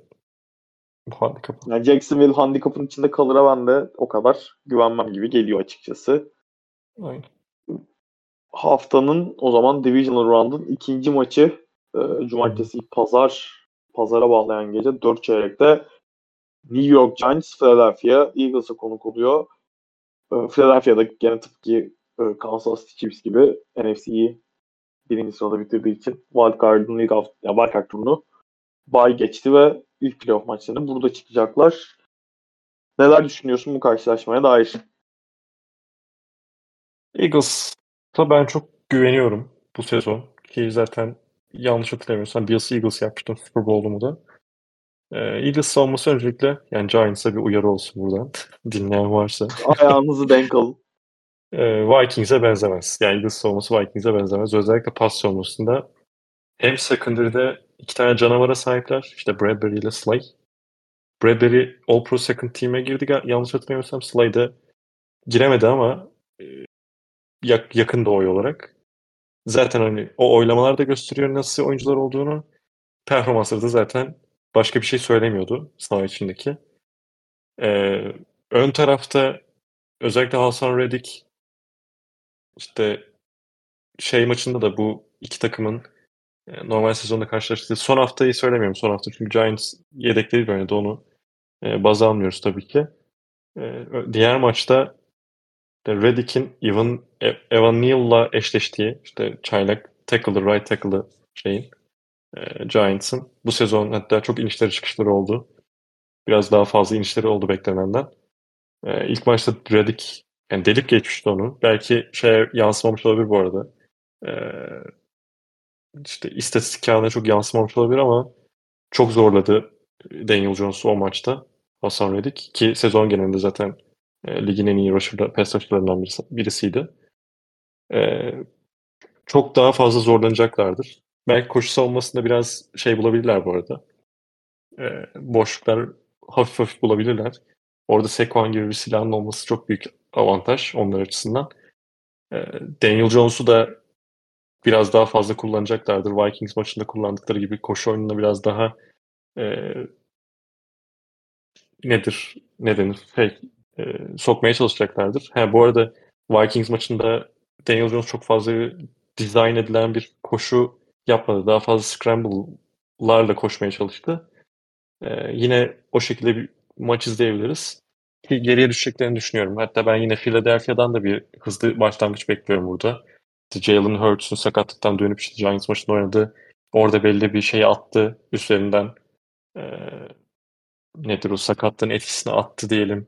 İşte bye week'te daha da sağlıklı geliyor ve yine sezon içinde de çok fazla yaptılar bunu. İlk çeyrekte fişi çekip e, ilerlemek yani arkana bakmamak. Ki şeyde de yine dediğim bu normal sezondaki maçta da çok iyi bir fark yakaladılar.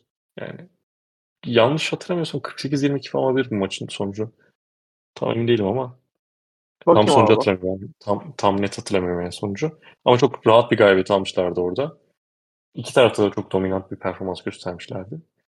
Ve yine öyle bir şey bekleyebiliriz. Ama orada onu da söyleyelim yani. O, o maçta Giants savunmasında Vikings maçında maçının öncesinde konuşurken de McKinney ve Adil Jackson'ın olmadığını da söyleyelim. Yani en çok kritik iki tane oyuncusu secondary'den. Bir tanesi safety, bir tanesi cornerback. Onların maç içinde olması şeyi çok etkileyecek. Eagles'ın koçusu olmasını bile etkileyecek bir nokta. Çünkü ee, işte Miles Sanders'ı durdurabilmek, Jalen Hurts'u durdurabilmek için şey yapıyorlar daha fazla. İşte bir safety ile oynayıp Bucks'a çok daha fazla adam yığıp e, onları koşu hücumundan biraz uzaklaştırmaya çalıştıklarını görüyorduk. E, yine o tarz bir performans ya şey görebiliriz, oyun planı görebiliriz Martindale'dan. Hem Bucks'a fazla adam yükleyip hem hatta blitzler de yapabilirler burada. Zaten man to man oynamayı seviyor. Orada çok bir eksi olmayacak. Ama bunu yaparken de tackle yapabilmek en önemlisi. İşte şeyden bahsettik. Seahawks'ın tackle yapamadığından bahsettik. Burada o tackle'ları yapabilecek oyuncular McKinney ve Adore Jackson. Yani dışarıda e, yani şeye gittiğin zaman Edge'e Edge doğru koştuğun zaman, Edge'in dışına doğru koştuğun zaman e, daha çok cornerback'lerden, safety'lerden işte linebacker'a yetişemediyse tackle yapmasını bekliyorsun. Bunu yapabilecek oyuncular bunlar. E, ama yeterli olabilirler mi? Ben pek sanmıyorum. Yani bir peri masalıydı. Onlar için de bir peri masalı gibi devam ediyor bu sezon. Ama Philadelphia Eagles'ın ben hem hücumda hem savunmada çok dominant bir takım olduğunu düşünüyorum. E, bu nedenle de Giants, evet Giants'a pek açıkçası şans tanımıyorum. Tabii ki divisional matchup'ı üçüncü kez karşılaşıyorlar. E, hani çok daha zor olacaktır vesaire ama yani Eagles dinlenmiş bir Eagles. Bir de sağlıklı bir Eagles. Yani offensive line'da belki eksikleri olabilir. Lane Johnson oynanabilir falan gibi durumlar vardı. Lane Johnson da dönecek diye konuşuluyordu en son. Öyle biliyorum yani. Ee, biraz zor olacak işleri. Daniel Jones'un hata falan yapıp yapması çok muhtemel değil. Yani normal sezonda da gördük Eagles savunmasının rakip quarterback'leri hataya zorlayabilen bir e, top kaybını zorlayabilen bir oyun karakteri de var ki Daniel Jones gibi her ne kadar bu sene o sorunları biraz köklemiş gibi gözükse de DNA'sında bu problemlerin bulunduğu bir oyuncunun oyuncuyla sahaya çıktığını unutmamak lazım York Giants'ın. Normal sezondaki maçı Philadelphia Eagles bu arada 48-20 kazanmış. Hı hı. Ama yani iki maç var tabii normal sezonda ama sen de oynadıkları ikinci maçı pek de bir anlamı yoktu zaten. Bir aslında kalmamıştı e, iki takımında. Ya abi şöyle hani Giants'ın çok iyi bir peri masalıyla neredeyse buraya kadar geldiğini takım olarak çok iyi işler çıkardığını gördük ama hani şu maça geldiğimizde belki running back pozisyonunun dışında her ünitede, her pozisyonda Eagles'ın kadrosu çok çok daha ağır basıyor bana kalırsa. Hı hı. Ve hani bu özellikle Giants'ın hani biraz sürekli işte hani overperformer diyebiliriz, overachiever diyebiliriz. O karakterde sahip olan bir takımın çok kolay kolay üstesinden gelebileceği bir iş olduğunu düşünmüyorum ben. Ee, normal sezondaki o karşılaşmada snaplerin %50 pas oyunlarında snaplerin %50'sinde 52'sinde e, sek yollamış Martindale. Ama çok da hani o noktada AJ Brown ve Devontae Smith ve Jalen Hurts çok sınırlama konusunda çok başarılı olamadılar. Zaten sen de bahsettin az önce koşu oyununda gösterdikleri performanstan da hani hücumunda da çok bir ket vuramadılar açık konuşmak gerekirse. Belki son haftalardaki e, ta, hani Giants olmasının çok görece daha az, kendi standartlarında daha az blitz yolladığını görüyoruz. Hani belki bunu bu karşılaşmaya getirebilirler. Bu karşılaşmada biraz daha daha az blitz denediklerini görebiliriz ama ben tüm her şey böyle masada olan her şeyi alıp karşıma baktığımda senin dediğin gibi Giants'ın biraz boyunu aşan bir rakip olduğunu düşünüyorum Philadelphia Eagles'ın. Ee, bu maç için eksi yedi buçuk bir handikapı var Eagles'ın. Ben herhalde kaç diyeceğim? Ya kusura bakmasın Devlet Karaz ama ben e, 34 22 diyorum ben. Ya ben de 34-24 diyecektim yakınız. Ya ben de Öyle 24'ten son anda 22'ye döndüm abi. Ee, yani belki bilmiyorum fazla mı abarttık Eagles diye düşünüyorum ama yok ben çok beğeniyorum yani bu sezon. Bir tek işte koşu savunması bir şey yapıyor. Playoff ortamında koşu savunman yani aşırı dominant değiller. Ee, bir tek öyle bir çekincem var.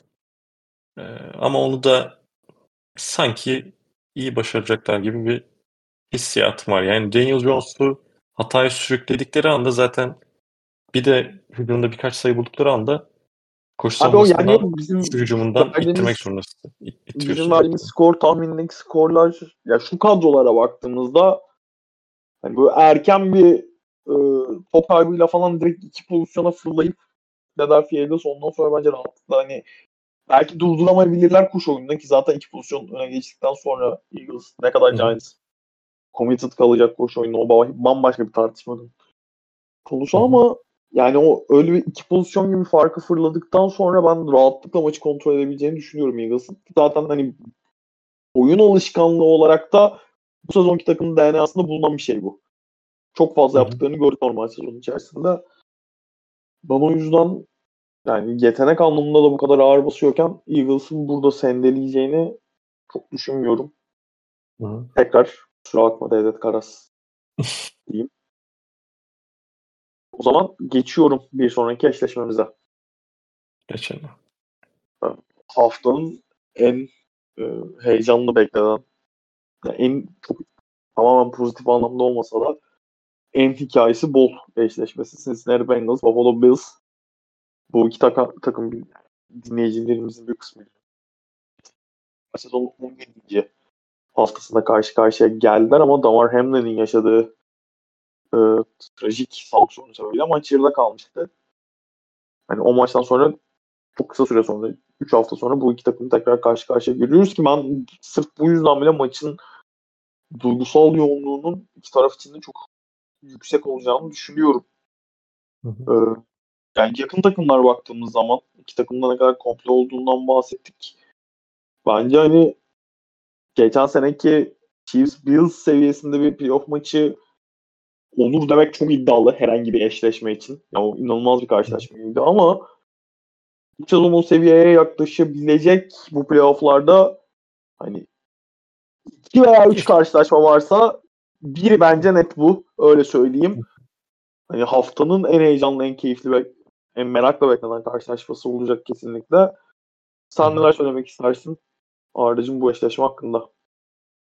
Ve geçen hafta ki podcast'te söylediğim bir şeyi düzeltmek isterim. Ee, Cincinnati'ye haksızlık yapıldığı konusunda bir kısmım yani bir konuşmam olmuştu. Orada eksik konuştuğum bir nokta olmuş. Bir tane dinleyicimiz sağ olsun uyardı beni. Yani ben Cincinnati'nin birinci olma şans e, hakkını elinden aldılar gibi bir cümleyle girmiş. Yani sadece onu konuşmuştum yanlış hatırlamıyorsam. Ee, burada aslında en büyük haksızlık bu maçın yani şu anda konuşacağımız bu, bu maçın neutral side'da oynanmayıp Buffalo'nun sahasında oynanması. Bengals açısından e, en büyük haksızlık bu aslında. E, Cincinnati'nin tabii ki birincilik hakkı bu maç sayılmayarak elinden alındı. O ayrı bir haksızlık, ayrı bir konu. Ama en büyük durum burada. Yani o maçta Cincinnati işte Buffalo'yu yenmiş Aslında- olsa böyle bir olay yaşanmamış olsaydı Cincinnati önünde bitirecekti Buffalo'nun. Ee, ama buna hiç NFL'in şey olmadı. Ee, bir aksiyon olmadı. Orada bir haksızlık var. Ki bu haksızlığı da aslında Zack Taylor falan da dile getirdi bu arada. Ee, kararlar açıklandıktan sonra. Onun da e, bu kararın da onları ateşleyebileceğini falan da düşünüyorum. Ekstra motivasyon kaynağı yani onlar için. Ee, Buffalo'ya gidecek olmaları. Ee, maça gelecek olursak yani çok böyle şeyde e, kritik anlardaki yani işte red zone örneğin takımlar red zone'a girdiğinde nasıl performans gösteriyorlar? Buralara çok dayanacak bu iş gibi geliyor bana. Hani çok fazla big play üzerinden bir şey değil de e, okunacak yani oku, ileride okunacak bir maç değil de daha fazla red zone'da kim başarılı olmuş, hangi savunma ön plana çıkabilmiş, hangi savunma red zone'da rakip quarterback'i hataya zorlayabilmiş üzerinden okunacağını düşünüyorum. Tahmin tabii ki bu. Ee, bu ta- takımlar ikisi de çok iyi quarterback'lere sahipler. İşte bu ligin geleceği bir tanesi e, ben geçtiğim sezon MVP olacağını düşünüyordum alamadı. Bu sezonda alabileceğini düşünüyordum alamadı ama alamayacak muhtemelen. Burrow her zaman oraların oyuncusu olacak. Her zaman MVP'nin aday olacak oyuncular. Bunlar çok önemli karakterler ve red zone hücumlarında da beklenti olarak zaten e, skill set olarak da şeyler e, iyi performans göstermeleri gereken ligin her zaman ortalama üstü işte tepe, tepe noktası ilk onu ilk beşi belki e, bulunması gereken oyuncular. Barrow bunu çok iyi yaptı bu sezon. Red zone hücumunu çok iyi e, şey yaptılar, koordine ettiler. Teknik ekiple beraber Barrow'un işte sakinliği, oyunları okuy okuyabilmesi, e, iyi receiver'lara sahip olması, özellikle red zone silah olarak işte Jamar Chase'le uyumları bambaşka bir şey katıyor, boyut katıyor onlara. Orada e, birebir kaldığında Chase'e güveniyor olabilmesi, T. Higgins gibi çok fizikli ve tam olarak red zone silahı diyebileceğim bir receiver'a sahip olması. E, Barrow'un işte cep dışına çıkıp kendisinin bir şey üretebilmesi gibi. E, çok o konuda zaten komple bir takımlar ama karşılarında da bu arada şey de söyleyeyim yani. Bills de en iyi red zone savunmalarından birisine sahip. Hem quarterback'e baskı konusunda hem secondary'de daha fazla e, receiver'ları durdurabilmek konusunda çok iyi takımlardan birisi. Josh Allen ve her zaman yani her zaman dediğim zaten az podcast yaptık ama bu sezon Josh Allen çok fazla hata yapıyor. İşte çok fazla top kaybı yapıyor. Vesaire derken işte Red Zone'da da Red Zone'da da geçerli olan bir durum. En büyük aslında şey bu. Ee, onun için soru işareti bu. Bu maç sezonun görüntüsü mü olacak? Yoksa örneğin mesela Dek'in e, sezonu bir kenara bırakıp bambaşka bir performans göstermesi gibi bir şey mi göreceğiz? Ki ben ona daha yakınım. Josh bu tarz kritik maçlarda, önemli maçlarda, yakın maçlarda e, rakibin güçlü olduğu anlarda bambaşka performans sergilediğini görüyoruz. E, Miami Dolphins maçında biraz daha çok laballiye vurduğunu düşünüyorum. Yani belki doğru bir hani, kelime değil ama savunmanın ona verdiğini almak konusunda biraz kafayı kapattığını düşünüyorum. Bu maçta öyle yapmayacaktır. Benim düşüncem. E, buna izin vermeyecektir zaten. Teknik ekip de bu konuda çok güvenebileceğim bir şeye sahipler. E, teknik kadroya sahipler. E, böyle bir maçta hata yapma zaten lüksü yok. E, yapmadığı durumda da işte Orada bir stop, yani bir red zone, red zone durdurması maçın kaderini belirleyecektir. Ee, işte Bengals'taki eksikleri zaten konuştuk. Yani offense line sağ tarafı yok. Jonah Williams olmayacak. Baskıyı bir şekilde şey e, kesmeleri gerekecek. Burada Barrow'un hızlı paslarına gideceklerdir. Ee, elinden hızlı çıkarttığı sürece orada bir sorun yaşamayacaktır ama işte red zone'da bunu o işte koşu önünde bile etkili. Sen iki yarda geldin. E, Mixon'la koşmak istiyorsun. O ileriye ittirme işini yapamadığın sürece seni Bill savunması geriye çekecektir. Hem iyi bir pas savunmasına sahip hem de ön tarafta baskın olacak zaman zaman bir savunmaya sahip Bills bir tık daha önde gözüküyor benim için. Ee, ama senin düşüncelerini merak ediyorum bu konuda. Yani şöyle hani yetenek olarak baktığımızda aslında iki takımın yetenek olarak baktığımızda çok aralarında fark olan takımlar değil. Sen zaten hani yaşanan Joe Burrow'dan baktığımda takımların yetenek tavanı arasında çok fark olduğunu düşünmüyorum ben. Ve yani genelde playoff NFL playofflarında bizi hani tarihin öğrettiği bir şey varsa yani tarihten bir ders çıkarabilecekse bak ben bu kadar yakın eşleşmelerde genellikle line of scrimmage'ı kazanan tarafın çok daha avantajlı olduğunu düşünüyorum ve o noktada e, yani her ne kadar mesela Bills Von Miller'ı kaybetmiş olsa da sakatlık sebebiyle özellikle Bengals line'ının offensive line'ının yaşadığı sakatlık sorunları sebebiyle ben orada Bills'in çok net bir avantajı olduğunu düşünüyorum. Evinde oynayacaklar zaten hani bu işte sağ dışı etmenlerden falan bahsediyoruz. Hatta Damar Hamlin'in maça gelme ihtimalinin olduğu bile konuşuluyordu hatta. E, geride bıraktığımız hafta içerisinde. Hani tüm bunları bir araya getirdiğimizde e, Bills bir adım daha önde gibi gözüküyor. Ama işte şeyi de unutmamak lazım. Yani hani Buffalo normal sezonda çok daha durdurulamaz bir takım gibi gözüküyordu. Geçen hafta biraz sıkıntı yaşadılar. Ee, Josh Allen'ın e, yaşadığı işte top kaybı sıkıntıları vesaireleri zaten hani az önce de konuştuk. Geçen hafta Dolphins karşılaşmasında da gördük. Hani bunları ne kadar törpüleyebileceklerine bakıyor biraz ama senin de söylediğin gibi hani Allen'ın kariyerine baktığımızda da büyük anlarda ben çok sindiğini hatırlamıyorum. Josh büyük maçlarda hani sürekli o kötü oynamış olabilir, yanlış karar vermiş olabilir ama hiçbir zaman gerçekten Allen'ın sindiğini hatırlamıyorum. Şu atmosferde, şu şartlar altında sineceğini düşünmüyorum. Hatta burada geçen seneye baktığımızda Cincinnati Bengals'ın bu sene devam ettirdi özellikle sezon bir kazanma alışkanlığı var. Sorun çözüp hani çok büyük zaafları olduğu maçları bile kazanabilme alışkanlıkları var. Ama ben hani günün sonunda o line of scrimmage'daki avantajlarıyla birlikte bir noktada Cincinnati Bengals'ı kıracaklarını ve o hani galibiyet için son adım atacaklarını düşünüyorum. Ben hani şeye çok yakın bence bu karşılaşma. Böyle bir son saniye alan golüyle e, bitmeye çok yakın. E, ben o yüzden kaç e, 32-29 Buffalo Bills diyeceğim bu maça. Ben 27 30-24 yok yani. 30-26 falan. 30-27, 30-26 o civar. Kaç bunun şeyi? E, line? 4, eksi 4. Buffalo eksi 4. 30-27 diyeyim. Bill istiyorum. Okey. Okey. Yani yakın. Sen 30-27 dedim, ben 32-29 dedim. Aynen. Yani aynı tahminlerdeyse sadece evet, ufak teknik detay var sadece ve Divisional Round'un son karşılaşmasına geçiyor. Pardon ya. Özür dilerim. New York Giants Philadelphia Eagles diyecektim. Onu konuştuk. Önümdeki bize Dallas Dallas Cowboys, San Francisco 49ers. Ee, hani zaten wildcard eşleşmelerini konuşurken bahsettik. Wildcard maçlarını en iyi geçen iki takım belki de. Hani 49ers'la Cowboys'u çok net galibiyetler alarak buraya geldiler. Takımlar arasındaki hani, rekabetten az çok bahsettik. Çok birbirini seven iki franchise değil bunlar. Özellikle 90'lı yıllardaki e, kapışmalarında etkisiyle handikap San Francisco 49ers 4.5 e, 4.5 sayılık favori olarak gözüküyor. Yani eksi 4.5 San Francisco 49ers 3.5 açıldı bu arada bu. Beni çok şaşırtan bir line'dı. Ee, çok saçma gelmişti. Artması doğru karar. 3.5'dan almayı Ee, kaçırmış birkaç arkadaş da onu. Hangi evet, arkadaşlar? Birkaç arkadaş.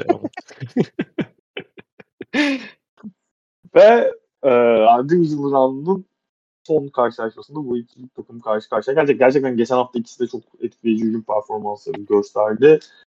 Senin genel yorumunu alarak başlayalım Cowboys 49ers eşleşmesine. Çok keyifli eşleşmeleri var. Birebir baktığın zaman bu maçın. Ee, özellikle Michael Parsons, Trent Williams eşleşmesini izlemek çok keyifli olacak bence.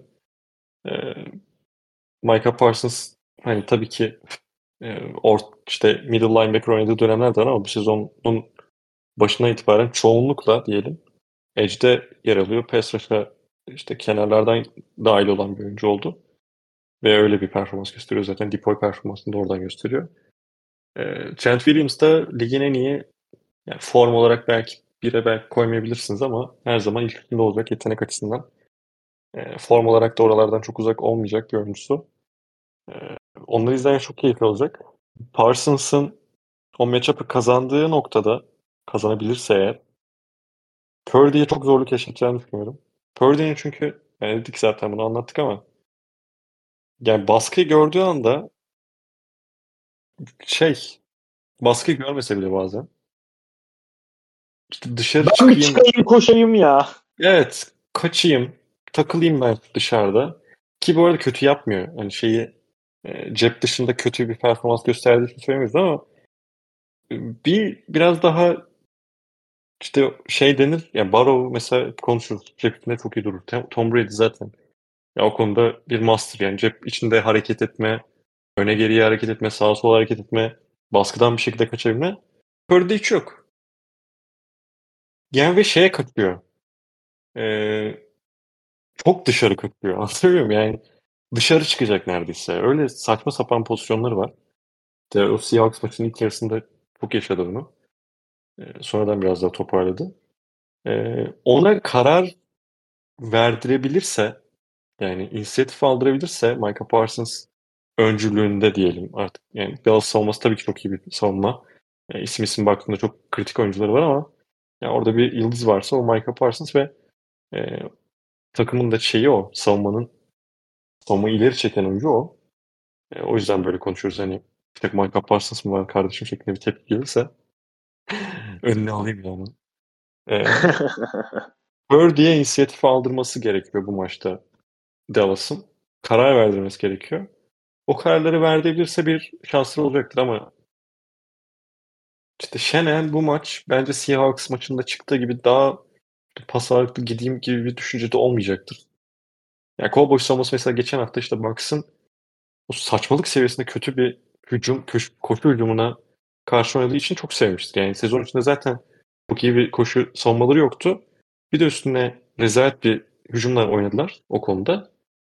E, onlardan mutluluk yoktur ama şimdi karşılarına çıkan Christian McCaffrey, e, Debo Samuel, işte yards after catch yapmayı seven işte Ayuk, işte Kittle, çok iyi bir offensive line.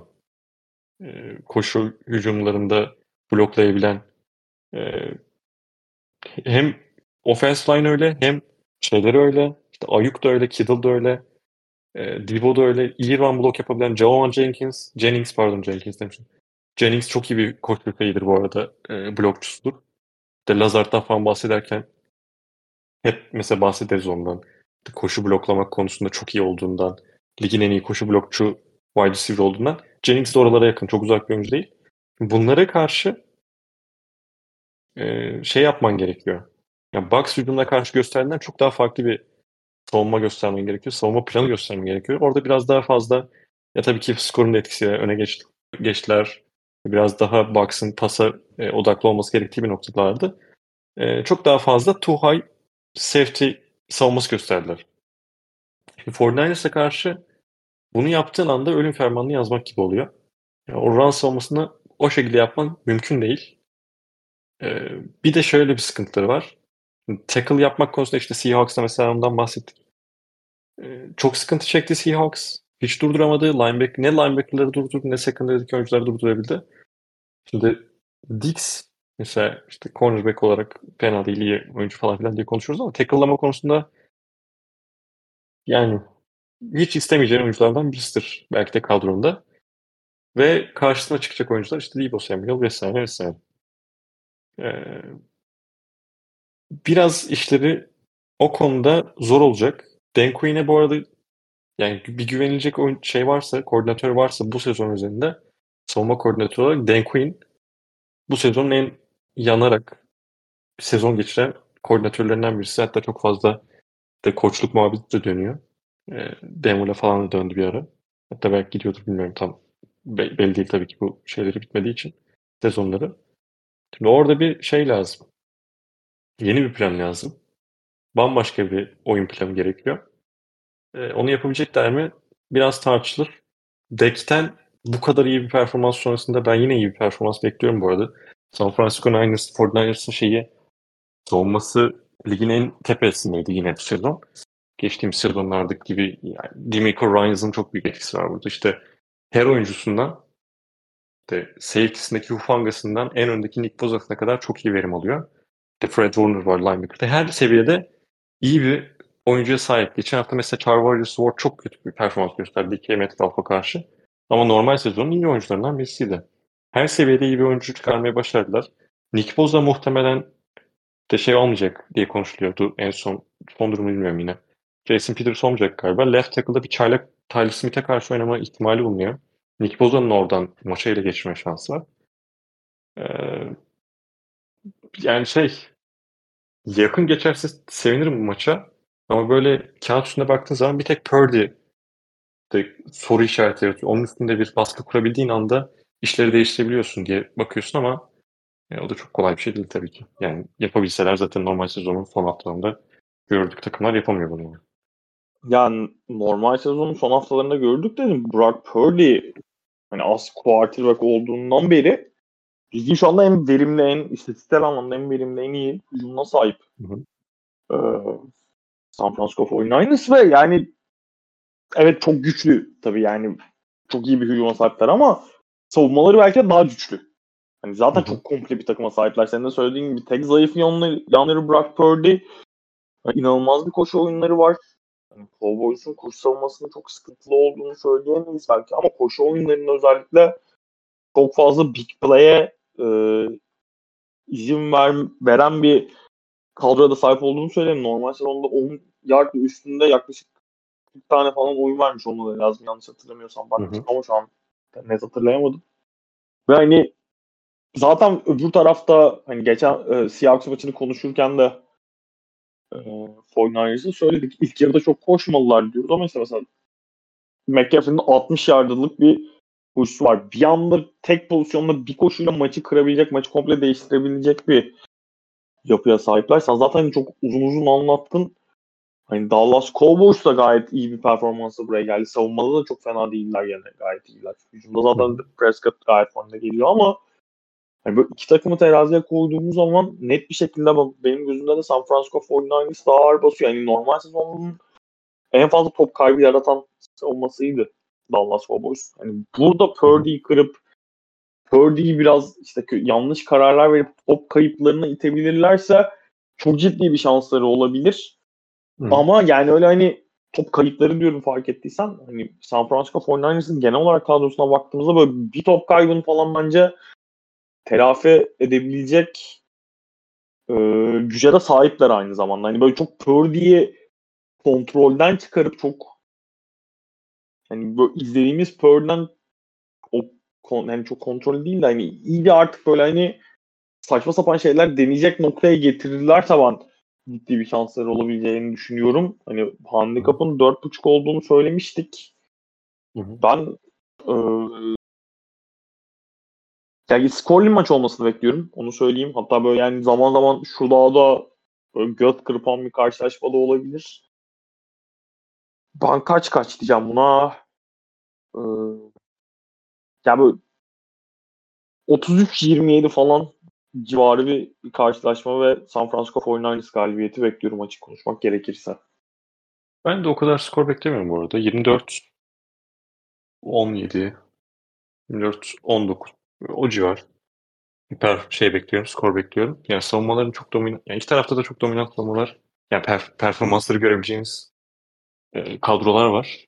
Yani tamam Dallas'ın birkaç defosu var tabii ki ondan çok daha yararlanabilir 49ers olması ama ay hücumu. E, daha böyle az skorlu diğer maçlara oranla en azından. Beklentim o şekilde benim de. Ee, skor tahminin kaçtı? Onu kaçırdım. 24 17 mi? 24 17 24 19 o civar yani. Okey. Okey.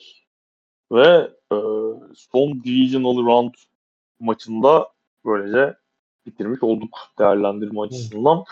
Bu hafta sorularımız yok. Biraz e, üçümüz kendi aramızda podcast'i ne zaman kaydedeceğimize dair pek organize olamadığımız için zaten devletin yokluğundan da bu gayet net şekilde anlaşılabilir diye düşünüyorum. Soru tweet atma fırsatımız olmadı. Ama gene önümüzdeki hafta Divisional Round karşılaşmalarının ardından konferans mücadelelerinden önce burada olacağız. Var mı abi eklemek istediğin bir şey? Yok abi ağzına sağlık. Sana şimdiden başarılar. Senin de, senin de ağzına sağlık. Çok teşekkürler. Cover 2'nun Divisional Round bölümünün sonuna geldik. Ee, sevgili dinleyenler önümüzdeki hafta, hafta yine konferans finallerinden önce Cover 2'da görüşmek üzere. Hoşçakalın. Hoşçakalın.